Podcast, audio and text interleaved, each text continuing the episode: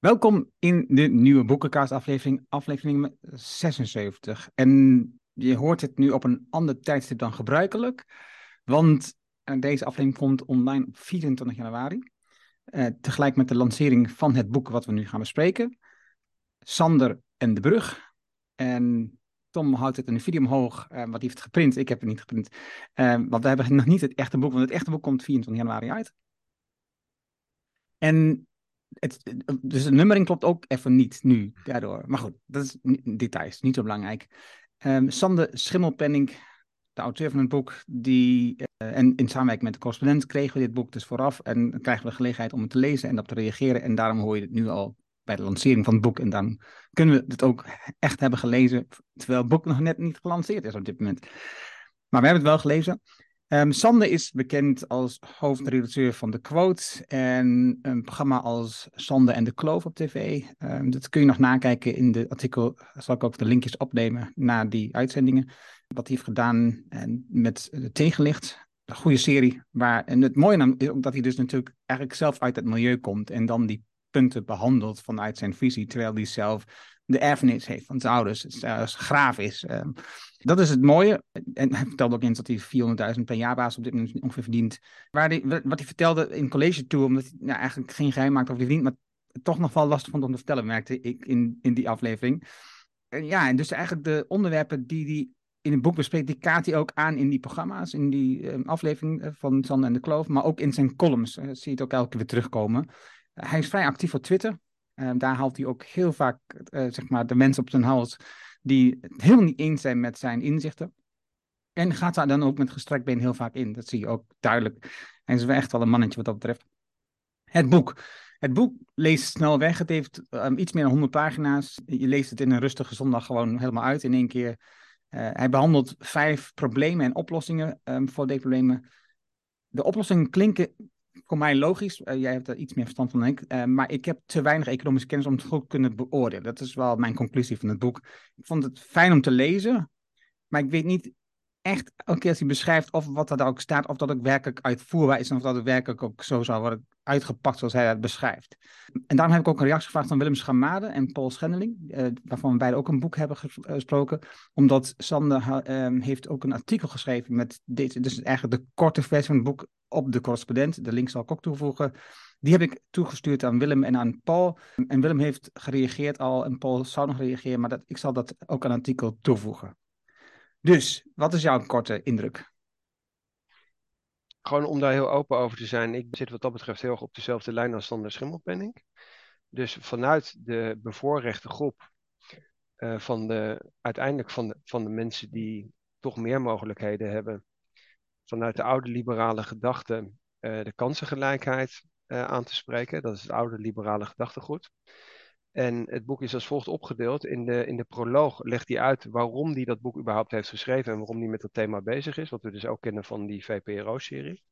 En wat hij zegt, en dat is misschien wel belangrijk als, als start, is dat hij zegt: het is niet zozeer, en dat is natuurlijk ook weer een beetje provocatief. Hij schrijft van: sinds de uitzending van de VPRO-serie Sander en de Kloof krijg ik regelmatig de vraag wat mij drijft. Ik wist helemaal niet dat jij zo begaan was met het lot van minder bedeelden. En dan antwoordt hij, dus ik ook een beetje, en wat jij zegt, mannetje tussen aanhalingstekens. Nou, dat ben ik ook niet.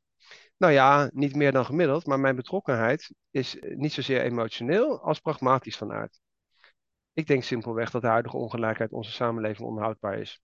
En dan zegt hij uiteindelijk dat hij zich eigenlijk in zijn tijd als uh, quote-redacteur vooral gestoord heeft aan de mensen die het dus gemaakt hebben en doen alsof ze dat allemaal, dat het hun eigen verdienste is.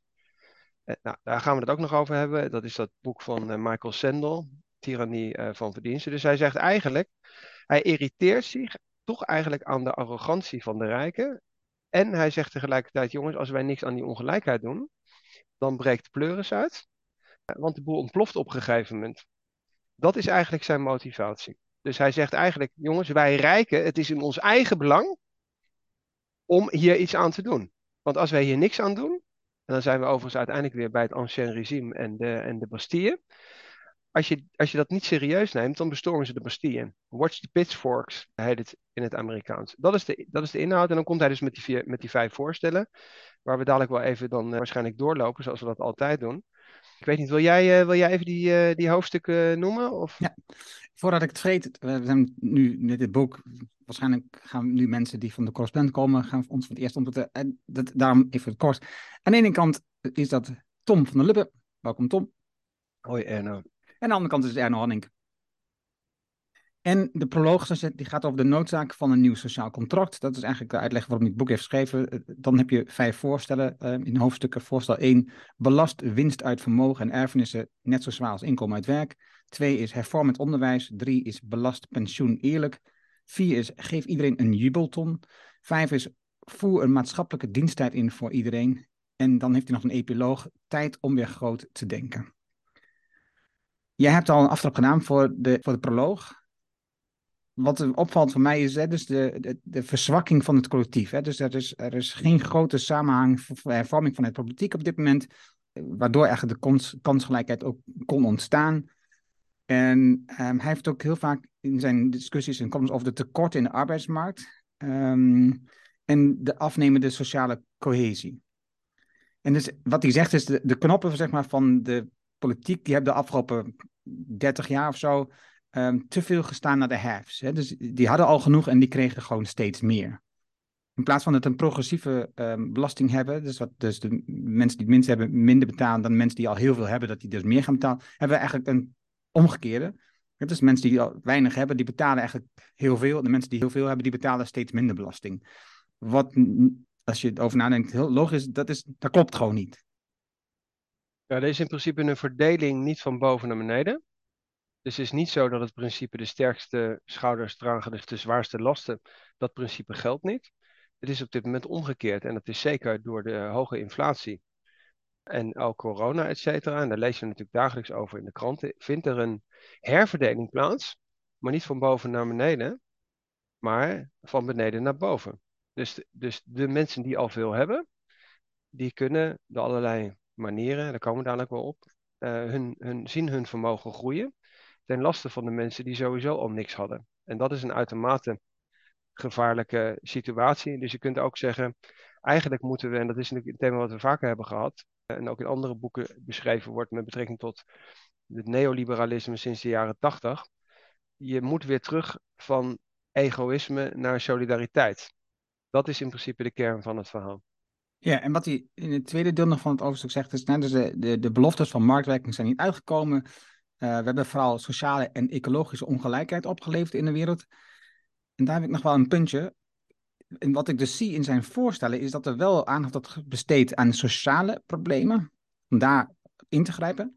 Maar aan de ecologische kant mis ik eigenlijk wel wat in zijn voorstellen. Daarbij zegt hij over dat hij wel nog steeds een aanhanger blijft van het kapitalisme en van de meritocratie. Want het boek wat je net zegt, de tyrannie van verdiensten, die gaat helemaal daarover.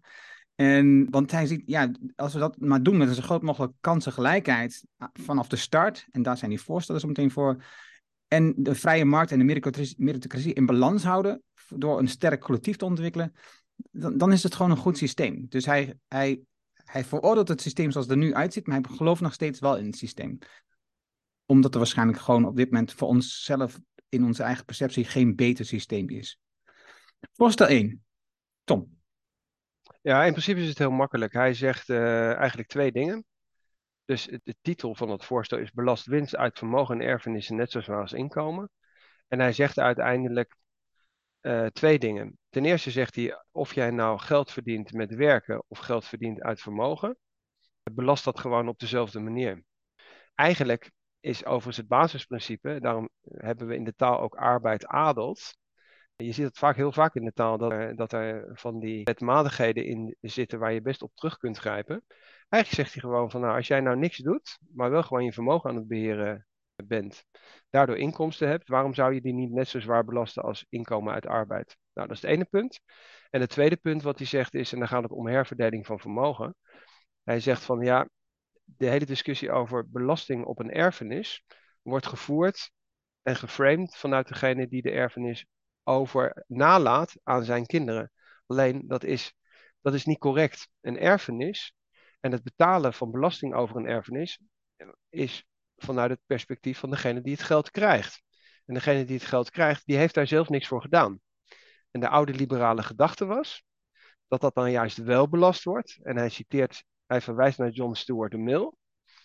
En John Stuart Mill, de oude liberalen, die waren zelfs, en dit is natuurlijk een, theoretische discussie, maar laat zien wat eigenlijk de doelstelling was. Die hebben gezegd, ja, eigenlijk zou een erfenis met 100% belast moeten worden als je maximale kansengelijkheid wil hebben. Dus hij zegt uiteindelijk, het grote succes van de rijken is nou juist geweest dat opnieuw te framen. Hè, daarom hebben ze het ook over een sterftax. Dus dat, dat te herframen en te zeggen van ja, ik heb er al belasting over betaald, dat is, hij zegt dan letterlijk, dat is een kul-argument. Dit kul-argument komt uit de koker van de rijken zelf, die nog nooit op hun woord zijn getest. Eh, daar verwijst hij bijvoorbeeld ook naar. En dan zeggen de rijken van ja, maar als jullie die belasting invoeren, dan ga ik weg uit Nederland. Hè, en dan ga ik ergens anders met mijn vermogen zitten. Nou, ik heb hem hierover geïnterviewd. En dan zegt hij, nou, ik wil het, ik wil het wel zien. Ik wil het wel zien. Laat ze, laten we dat maar eens testen. Of de mensen Nederland gaan verlaten. Hetzelfde argument van, van die CEO's die zeggen: als ik niet uh, dezelfde verdien als ons buitenland, dan ga ik naar een ander. Nou, dat, dat, dat doet ook geen, geen 80% die mensen. mijn positie die ik inneem is wat ik eigenlijk nog een veel makkelijker oplossing zou vinden. En dat kun je binnen Nederland doen, maar dat kun je ook binnen de EU doen. In Amerika is het zo dat als je een Amerikaans paspoort hebt, dat waar je ook ter wereld woont, gewoon een belastingaanslag krijgt van, van de Verenigde Staten.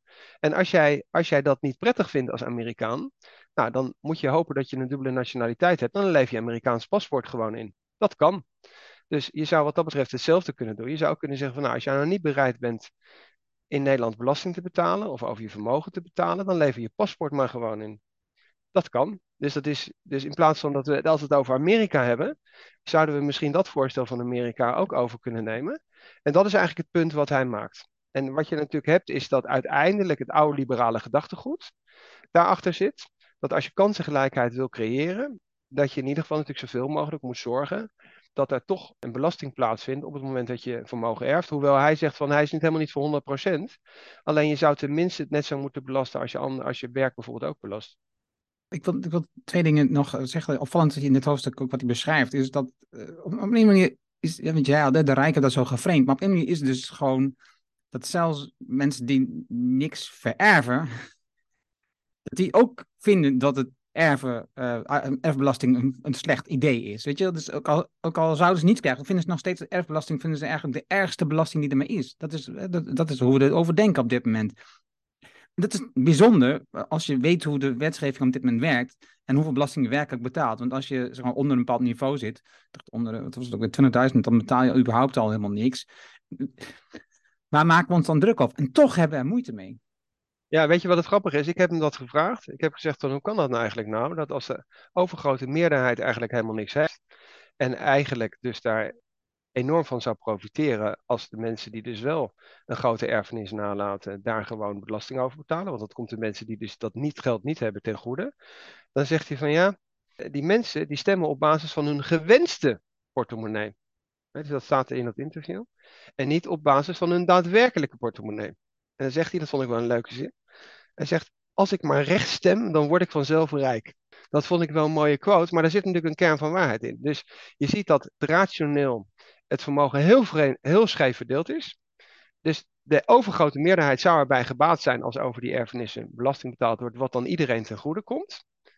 Komt naderhand, hè, een van die andere voorstellen is dus die jubelton, dat is het laatste voorstel, daar wordt dat geld voor gebruikt.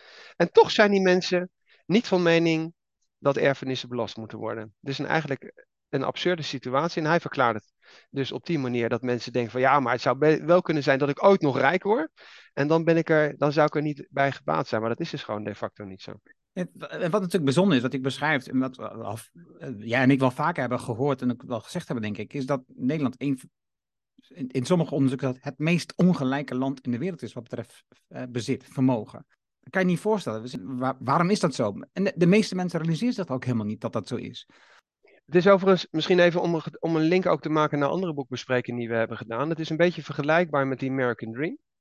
Waar je ook zo'n mooie quote hebt. If you, if you believe in the American Dream, you should move to Denmark. Dus omdat dus de sociale mobiliteit, Denemarken staat op nummer 1 qua sociale mobiliteit, is de kans dat als je onderaan de piramide zit, je kinderen of jij zelf de kans hebt om te stijgen op die sociale ladder, is in Denemarken het grootst.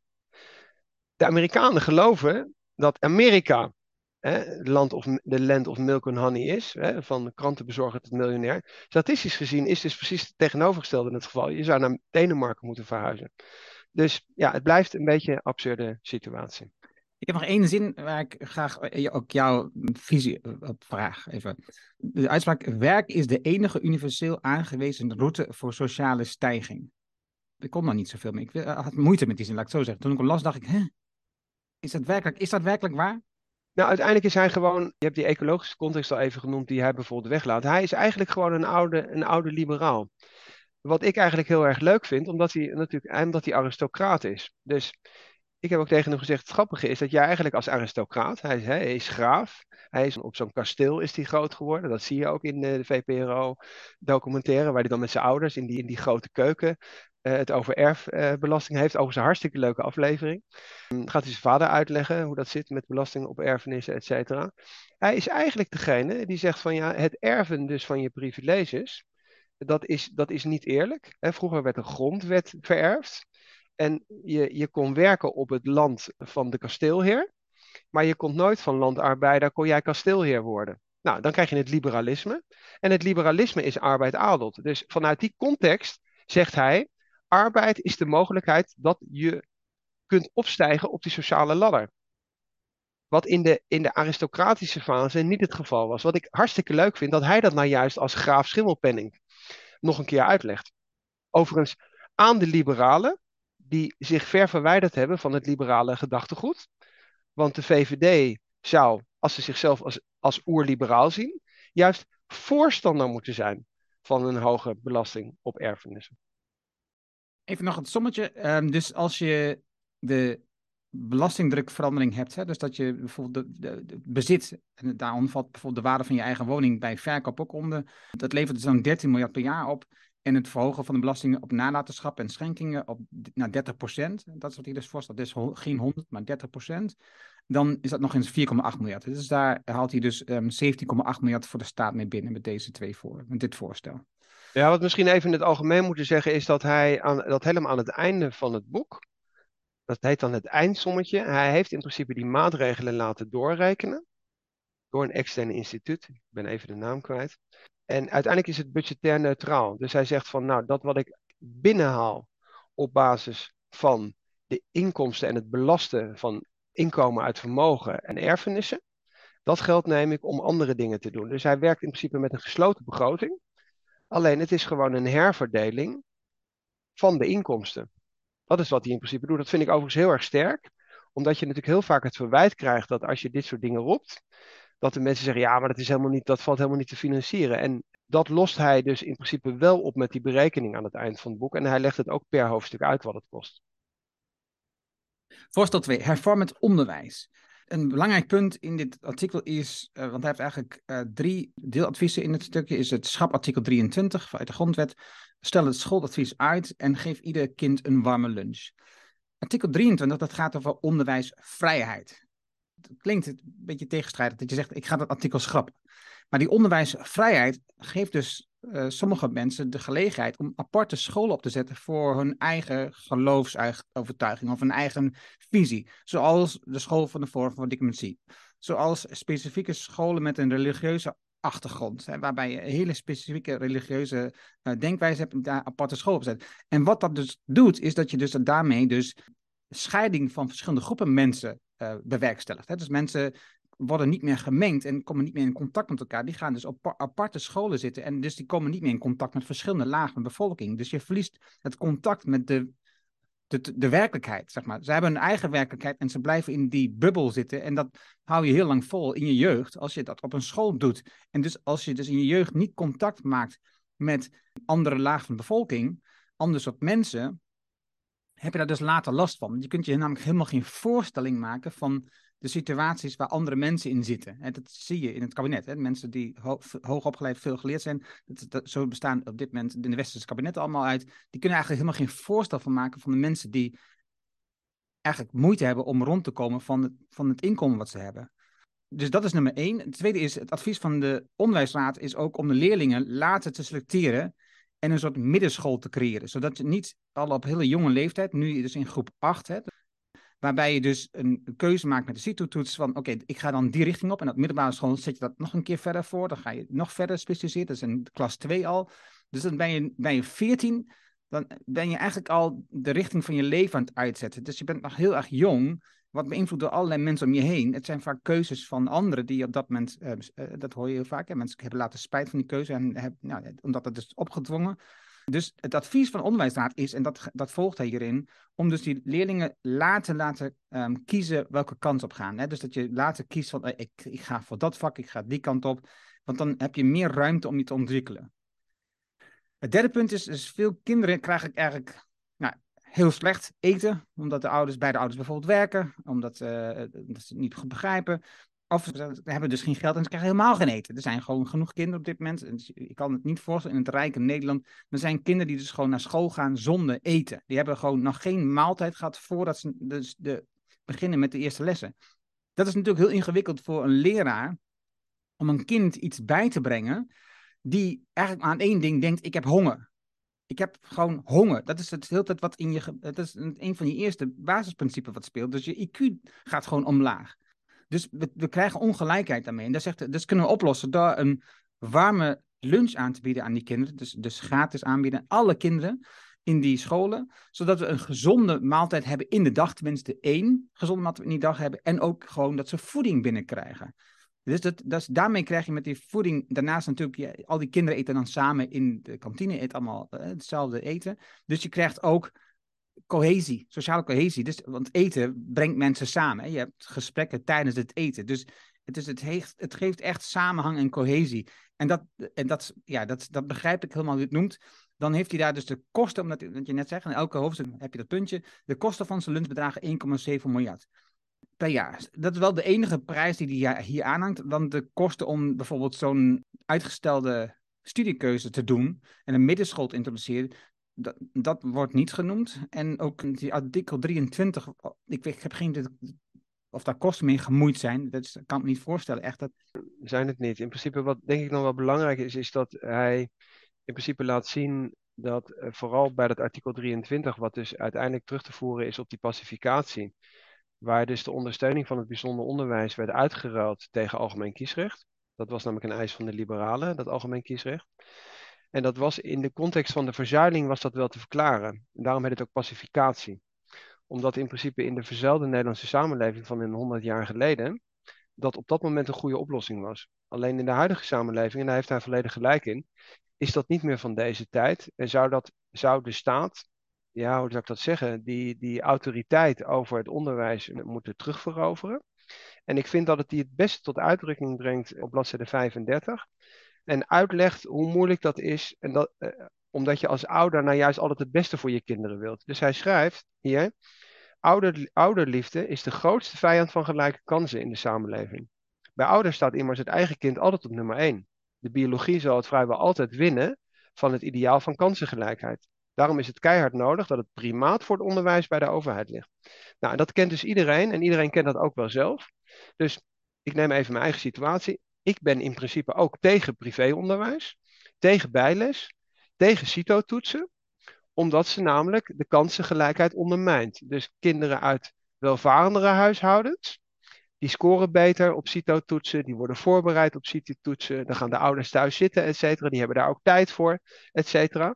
Ik kan dat zelf ook doen met mijn vrouw. Ik kan met onze twee kinderen daar gaan zitten. Ik kan ze ook naar bijles sturen en zeggen van we gaan jou voorbereiden dat je op het gymnasium terechtkomt, et cetera. Want dat is die ouderliefde. Alleen vanuit mijn liberale principes ben ik daar tegen. Waar heb ik zelf op gezeten? Op een Jezuïetencollege, bijzonder onderwijs in Den Haag, heel geprivilegeerd. Naar de universiteit gegaan, ouders hebben mijn kamer betaald, allemaal geprivilegeerd. Gelukkig wel in het systeem van studiefinanciering. Mijn vader heeft niet gestudeerd, dus wat dat betreft ben ik een heel goed voorbeeld van die sociale mobiliteit. Alleen, ik zou ook eisen dat de overheid daar ingrijpt. En de boekbespreking die we doen over de tirannie van verdiensten is zelfs zo dat het slecht is voor de gezondheid van die kinderen. Als nou juist wel dat bijles plaatsvindt. Als wel permanent die kinderen overal naartoe gekart worden om allerlei stages te doen en weet ik veel wat allemaal om hun cv op te poetsen en hun kansen op een Ivy League universiteit groter te maken. Dus dat komt in die boekbespreking terug. Ik vind dat hij dat uitstekend uitlegt. waar ik het meeste respect voor heb elke keer, is dat hij juist vanuit zijn bevoorrechte positie spreekt. Het is ten nadele van je eigen situatie, zal ik het maar zeggen. Want wij kunnen in principe die privéschool betalen als we dat willen. Maar we willen dat vanuit principiële overwegingen Dus dat is, dat is hartstikke belangrijk. En je ziet in principe dat steeds meer, en dat is wat hij je ook zegt, steeds meer mensen sturen hun kinderen naar privéscholen. Dus je krijgt daar een segregatie, net zoals je dat in Amerika uh, al heel lang hebt, tussen witte scholen en zwarte scholen. En het idee wat hij heeft, en wat naar de hand met dat sociale jaar ook weer terugkomt, is dat je dus zoveel mogelijk alle bevolkingsgroepen en alle lage bevolking moet mengen, zodat die solidariteit heel herkenbaar wordt. Omdat in een klas dus kinderen van allerlei achtergronden zitten. En niet alleen nog maar bevoorrechte kinderen op de ene school en kinderen uit lagere lagen van de bevolking uh, op andere scholen. Oké, voorstel 3 is uh, weer een voorstel wat geld voor de staat oplevert. Het gaat over het belastpensioen eerlijk. Dus aan jou. Ja, dat is een beetje een technisch hoofdstuk en ik, ik zou hier wat minder over willen zeggen. Uiteindelijk is het een beetje hetzelfde met het hypotheekrenteaftrek. Dat als jij al veel mogelijkheden hebt, en hypotheekrenteaftrek zegt hij, nou dat is sowieso al op de schop en dat wordt geleidelijk afgeschaft. Dus daar hoef ik het niet meer over te hebben, maar voor pensioen geldt hetzelfde. Wat je eigenlijk hebt bij hypotheekrenteaftrek en bij pensioen ook, is dat als je bijvoorbeeld een heel groot huis hebt en dus een hele grote hypotheek, dan kun je heel veel aftrekken. En dat geldt voor pensioenen ook. Dus als pensioenen niet belast worden en je hebt je spaart een heel groot bedrag per maand voor je pensioen. En dat wordt niet belast, pas veel later, op het moment dat het pensioen bijvoorbeeld uitgekeerd wordt. En je hebt dat rente-rente-effect. Dan zegt hij van ja, eigenlijk is dat niet eerlijk. Omdat hoe meer pensioen je kunt opbouwen, hoe meer je daarvan profiteert. Dat is een beetje een technisch verhaal. Dus voor de mensen die dat interessant vinden, die moeten er maar gewoon induiken. Alleen ik zou eigenlijk hier willen zeggen, het is een beetje hetzelfde met hypotheekrenteaftrek. Hypotheekrenteaftrek is in de zin van, als je een progressief belastingstelsel eigenlijk wenst, en je vindt dat mensen die meer verdienen, niet alleen maar onder de streep procentueel hetzelfde belast worden, maar zelfs over elke laatste schijf die je verdient progressief meer moet betalen, dan is bijvoorbeeld de hypotheekrenteaftrek ondermijnt het progressieve belastingstelsel. En dat is in principe bij het pensioenopbouw is het hetzelfde. Dat is het punt wat hij in dat hoofdstuk maakt. En daar gaat het natuurlijk om hele erg grote bedragen als je dat zou veranderen. Ja, 16,4 miljard. Hey, ik heb nog een puntje. Eh, hij vertelde over het pensioen. Hè. Het pensioen bestaat in principe uit drie delen. Het deel wat je verplicht doet bij de werkgever. Dan heb je uh, een stuk over de tweede pijler en de derde pijler. Maar de tweede pijler, dan heeft hij het over eh, de wortel en de stok. Dus, dus aan de ene kant krijg je een wortel voorgehouden dat je dus uh, dat belastingvrij kunt uh, sparen. En dat dat later belast wordt. En de stok is dat, dat je dat dan verplicht dat je er niet meer bij kunt. Hè. En dat, dan zegt hij, ja, weet je, dat is een soort motie van wantrouwen tegenover de burger. Dus dat, je zou ze eigenlijk vrij moeten laten om dat zelf te kiezen. En, dan, en dan een linia later heeft hij het over dus de zelfstandigen. Want de zelfstandigen die bouwen eigenlijk op dit moment nauwelijks pensioen op. Hè. Dus als je de e-pitters kijkt, er zijn heel veel mensen zelfstandig geworden de afgelopen 30 jaar. En die bouwen helemaal geen pensioen op, omdat ze dus gewoon daar veel te weinig over nadenken. En dan heeft hij het over dat we dus als overheid die, die zelfstandigen meer moeten informeren, zodat ze daar wel aan beginnen. Dat stuk begrijp ik niet helemaal, want dat klinkt voor mij als een soort tegenstrijdigheid. Aan de ene kant wil je dus die verplichting weghalen. En, dus, en dus dan zegt hij, ja, dus die mensen die, zouden dat zelf moeten snappen. Maar het bewijs is er dus dat ze het niet snappen. En dan ga je dus die zelfstandigen opleiden om dat, om dat te ontwikkelen. Ik weet niet, ik, dat stuk begrijp ik niet helemaal. Ik ben het helemaal met je eens. Ik vind het, het is tegenstrijdig. Omdat je namelijk bij andere dingen, eh, er zijn eigenlijk twee, twee redenen. Hij zit voor de rest ook heel erg op de lijn dat de overheid juist wel moet reguleren. Dus als je zegt van ja, bij pensioen ben je wel vrij daarin, want de mensen zouden dat eigenlijk moeten begrijpen, tussen haakjes, maar ze begrijpen het niet, want dat is in principe de, positie die hij inneemt, wat jij ook terecht zegt. Waarom zou dat bijvoorbeeld voor onderwijs en andere dingen dan niet gelden? Dus ik ben persoonlijk, wijk ik, heb ik daar ook een andere mening over. Ik ben van mening dat je wel heel goed een verplichting zou kunnen invoeren. En in principe gewoon kunt zeggen voor iedereen. Omdat mensen die geen pensioen opbouwen, na de hand weer ten laste van het collectief vallen. Want ze moeten wel opgevangen worden. Is het dus wel zinvol heel vroeg die verplichting in te voeren. En het zouden onder de streep overigens een hele hoop mensen ook is helemaal niet mijn persoonlijke mening. Het is wel weliswaar mijn persoonlijke mening, maar een hele hoop mensen ondersteunen dat ook. Die zeggen, ja, als je dat wel zou verplichten, dan zouden alle tarieven van die ZZP'ers gewoon hoger zijn, omdat ze namelijk verplicht rekening moeten houden met die pensioenafdracht die ze elke maand moeten doen. Dus het is een beetje hetzelfde. Als je auto rijdt, dan moet je, heb jij ook een aansprakelijkheidsverzekering die je moet afsluiten, anders mag jij niet aan het verkeer deelnemen.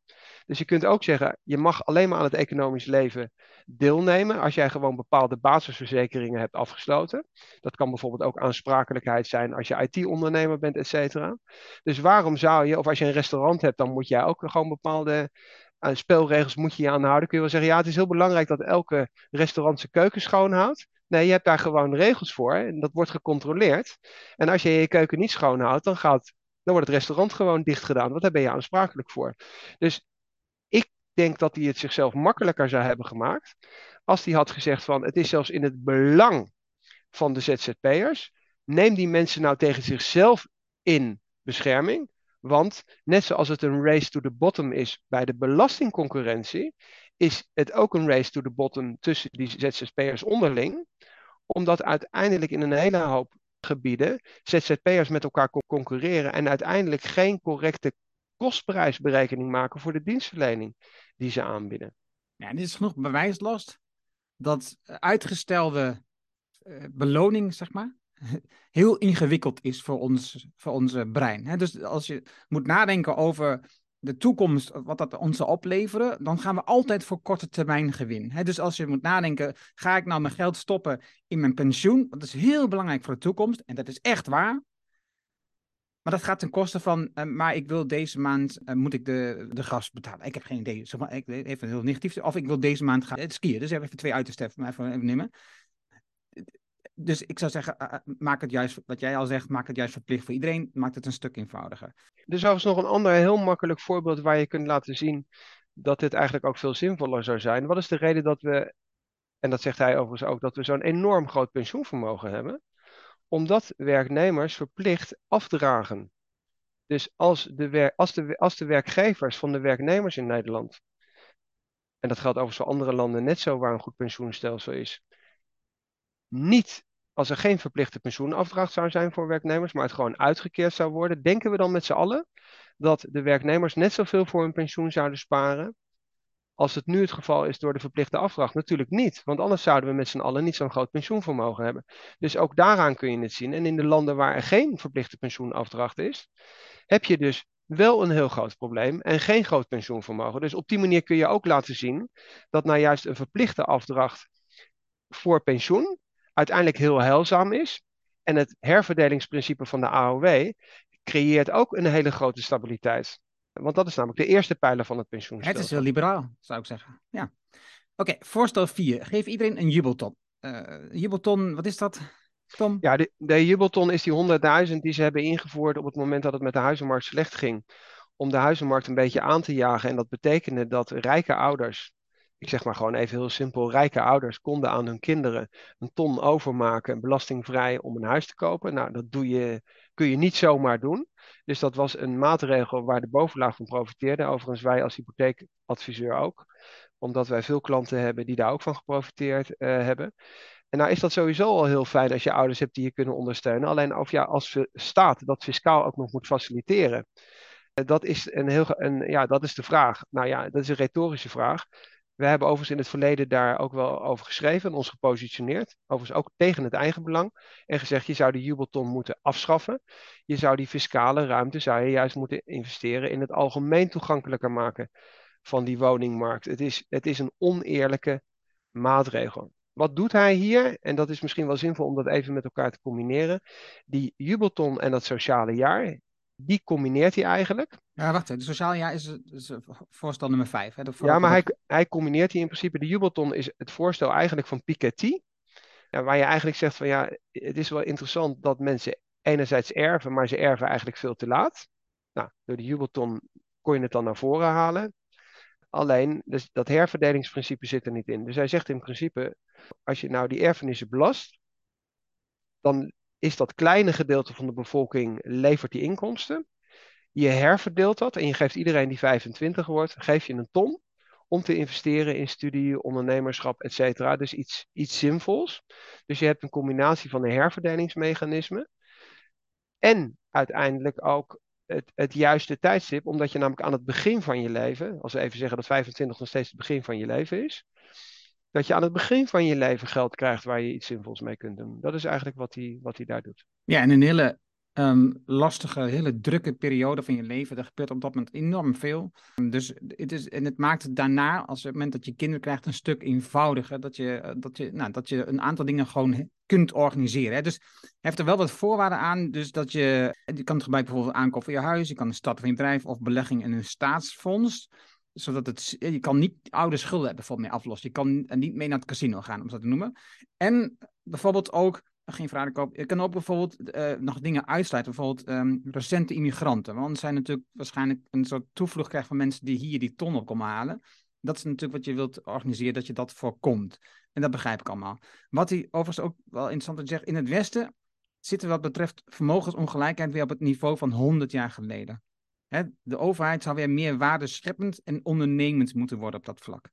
Het stadkapitaal van 100.000 jubelton kost jaarlijks ongeveer 21,9 miljard.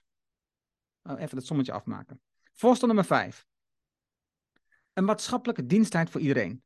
Ben je in dienst geweest? Nee, ik ben niet in dienst geweest. En dat is, uh, kan ik ook uh, even heel simpel uitleggen. Ik heb met uh, 20 kanker gehad. Toen studeerde ik. Toen heb ik een jaar van mijn studie verloren. En toen heeft mijn oncoloog een briefje geschreven. Ik was dus wel, ik was dus wel oorspronkelijk goedgekeurd. En nou, een heel groot gedeelte van mijn longen heb ik niet, et cetera. En uh, dus ze hebben op, op, dat moment hebben ze van de lijst gehaald. Ik ben ook niet in dienst geweest.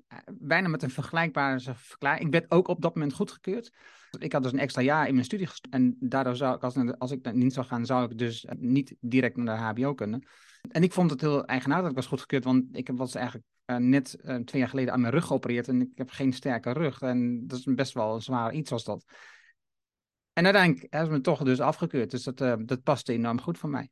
Zo zijn natuurlijk meer mensen die de diensttijd hebben ontdekt. Maar de mensen die in diensttijd zijn geweest, hebben daar wel hele mooie verhalen vaak over. Buiten heel veel verveling, maar ze hebben heel veel relaties opgedaan. Sociale relaties en heel veel uh, vriendschap opgedaan.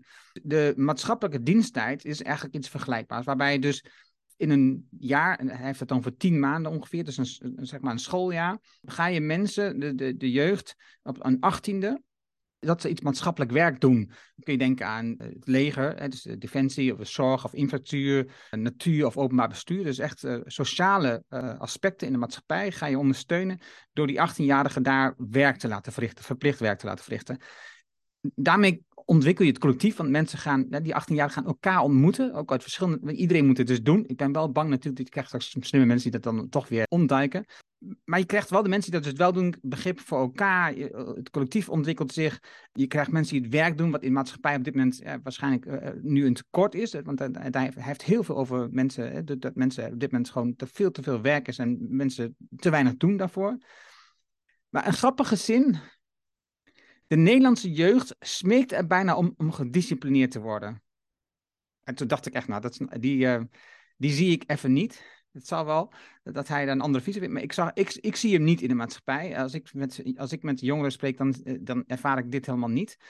En ja, wat hij ook zegt, een maatschappelijke diensttijd springt ook in op de vraag van jongeren naar zingeving, inspiratie en zelfontwikkeling. Ook daar heb ik mijn vraagtekens bij. Ik, dit, dit, zit er natuurlijk wel in, maar voor een heel groot deel um, hebben jongeren op dit moment ook heel veel moeite met corona. Er zitten zoveel dingen in de emotie van, van de ontwikkeling van jongeren, waar ik me afvraag of dit of dit allemaal opgelost wordt met deze sociale diensten. Ik zie er wel wat in. Maar ik vind het ook wat farfetched. En ik heb ook het gevoel dat dit hoofdstuk, dat is uh, mijn persoonlijk mening, wat het minst doordacht is van de hoofdstuk. En ook de, het kostaspect is ook, uh, is ook niet echt duidelijk. Ben ik in, ben uh, fijn dat ik het een keer niet met je eens ben. Maar dat heeft misschien ook te maken dat ik al heel lang in het buitenland zit. En ik wil even verwijzen naar bladzijde 94 en ook even historisch context uh, creëren. Hij schrijft vanuit de individualistische Nederlandse traditie zullen er mensen zijn die in dienstbreuk een inbreuk vinden op de keuzevrijheid en de maatschappelijke bijdrage als dwangarbeid kwalificeren. Nou, als je bijvoorbeeld even de Europese landen met elkaar vergelijkt, dan is Nederland het meest individualistisch. En Nederland heeft historisch gezien de traditie van een beroepsleger.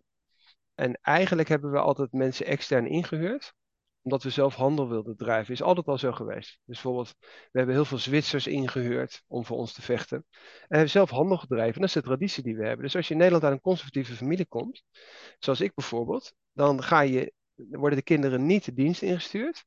Nee, je gaat in het buitenland studeren, je gaat je talen leren, je wordt, je wordt voorbereid op je leven als koopman. Dat is de Nederlandse traditie.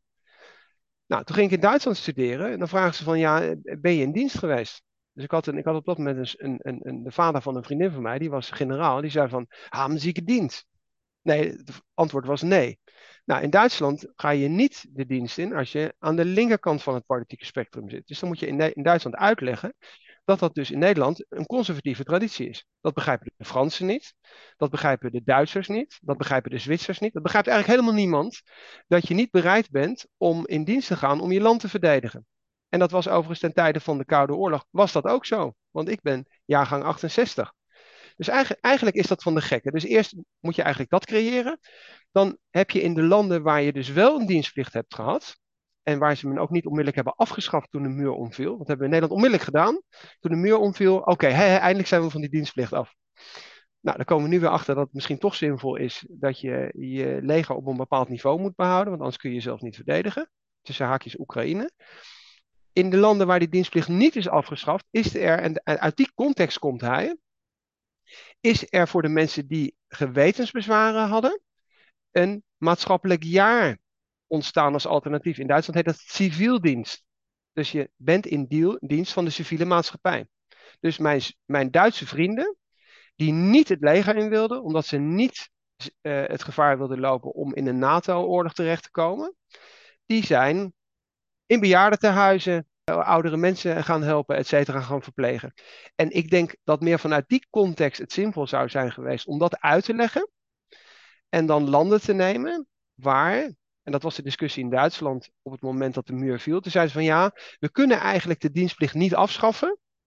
En dat is een hele interessante kromme redenatie geweest. Omdat er zoveel jongeren die, die maatschappelijke dienstplicht vervullen, dat ons zorgsysteem samen zou vallen of in elkaar zou storten als wij de dienstplicht in het leger zouden afschaffen. Nou, en in die context denk ik dat je dat moet zien. Dus als je zou zeggen, neem zo'n voorbeeld als buurtzorg, neem iets positiefs. Als wij met z'n allen, en dat is het voorstel wat hij eigenlijk doet, tien maanden een bijdrage zouden leveren en zouden zien hoe complex de samenleving is, wat zorg betekent, wat onderwijs betekent, wat bosbeheer betekent, kun je uitkiezen. We leveren allemaal die bijdrage en we doen dat samen met, met jongeren in dezelfde leeftijdscategorie. En er zit een algoritme achter, ik zeg het maar even modern, waar, waar die rangen en standen allemaal gemixt worden. En ik als witte Nederlander uit Den Haag van een Jezuïetencollege met Ahmed ergens bij, bij, eh, bij uh, buurtzorg uh, in een verpleegtehuis werkt, dan krijg je sociale cohesie. Dat is eigenlijk het punt wat hij wil maken. Ik ben het met je eens dat hij vaak provoceert.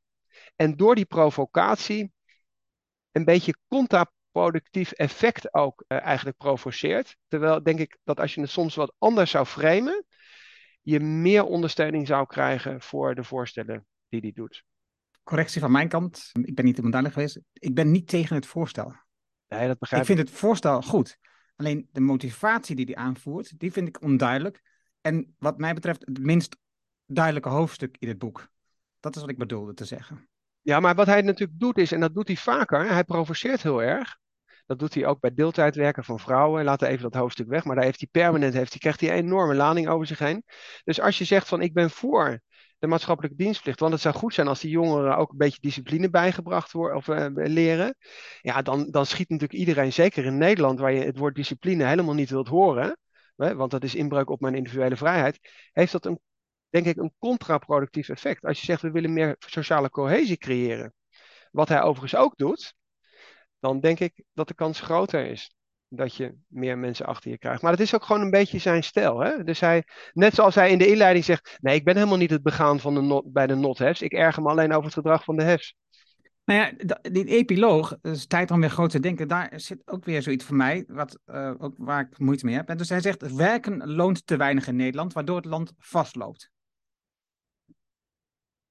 ik denk dat we, als we kijken naar de, alle, als we het boek even nemen van Omarmde Chaos, om even te noemen, van Jan Rotman, dan denk ik dat er heel wat andere transities zijn die ervoor zorgen dat het land vastloopt, dan dat het gaat over werken loont te weinig. Dus dat, dat, dat is weer zo'n stelling af. Ik denk, dit klopt in mijn hoofd niet. Maar goed, grote plannen kunnen de weg naar een eerlijke wereld op gang brengen en een gemeenschappelijk doel nastreven. Ook dat vraagt me af, uh, hoe gemeenschappelijk is dit doel eigenlijk? Dat, uh, dus het kan wel een heel groot plan zijn, maar als niet iedereen zich daarmee aan conformeert, is het dan geen groot plan en kan, is het geen gemeenschappelijk doel. Het is meer een doel van een paar mensen. Dus de motivatie die je net noemt, um, die moet wel echt heel erg um, goed zijn, om ervoor te zorgen dat iedereen achter het plan komt te staan. En als je het zo provoceert, dan verlies je dus heel veel mensen in het traject en krijg je dus geen groot plan waar iedereen achter kan staan nadat alle inkomsten van de staat zijn opgeteld en kosten zijn afgeteld, dan blijft er zo'n 12,5 miljard over in zijn uh, sommetje op het laatste van het boek. Hij heeft het laten uitrekenen, maar ik, ik weet niet zeker of dat werkelijk klopt, die 12,5 miljard. Maar goed, laat het zo zijn. Dan kan hij daarmee nog een belastingdruk van de laagste schijf verlagen. Waardoor dus de mensen die dus op dit moment weinig hebben, dus meer overhouden. En uh, waardoor werken nog meer loont, sluit hij dan af. Ja, goed voorstel. Ik zou zeggen, mensen lezen het boek. Ik denk dat het in ieder geval een, een soort houdt ons een spiegel voor. En ik denk dat je volledig gelijk hebt. Misschien zou de titel moeten zijn: we moeten het samen doen of we moeten terug naar solidariteit. Dat wil hij ook. Alleen dat is ook gewoon een beetje zijn stijl. Dat is net zoals met Lubach, et cetera.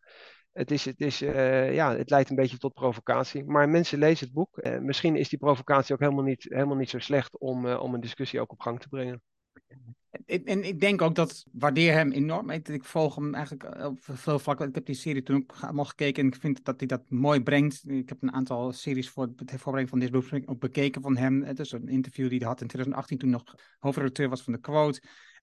Maar soms denk ik, oh, je gaat net één stap te ver, waardoor je zoveel mensen tegen je in het harnas jaagt.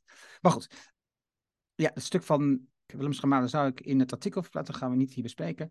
En voor de rest, ja, wat ik in het begin al zei, het boek leest gewoon fijn weg. Uh, ik denk dat het je um, laat nadenken over een aantal problematieken waar we tegenaan lopen in Nederland. En ook een aantal die die mist. Bijvoorbeeld het ecologisch aspect, wat in zijn boek komt helemaal niet aan orde, terwijl dat ook in Nederland een enorm probleem is. Hij noemt er wel, mm, boeren komen een paar keer aan boord in het stuk. Uh, maar dan, ja, dan gaat het eigenlijk over andere aspecten dan over het ecologische aspect. Voor de rest, ja, lees het boek en, en leer over wat we zouden kunnen doen om de maatschappij weer wat eerlijker te verdelen, weer wat liberaler te maken. De scherpe kanten van het neoliberalisme afhalen, zoals uh, Paul Schendeling dat noemt. Want, want het systeem werkt, uh, maar niet op dit moment. En daar, daar is een verandering voor nodig. Uitstekend. En ik dank jullie wel voor het luisteren weer naar deze aflevering. Het was een waar genoeg dat je erbij was. We hebben genoten van deze boekbespreking. Dankjewel Tom. Dankjewel Erno en tot de volgende keer.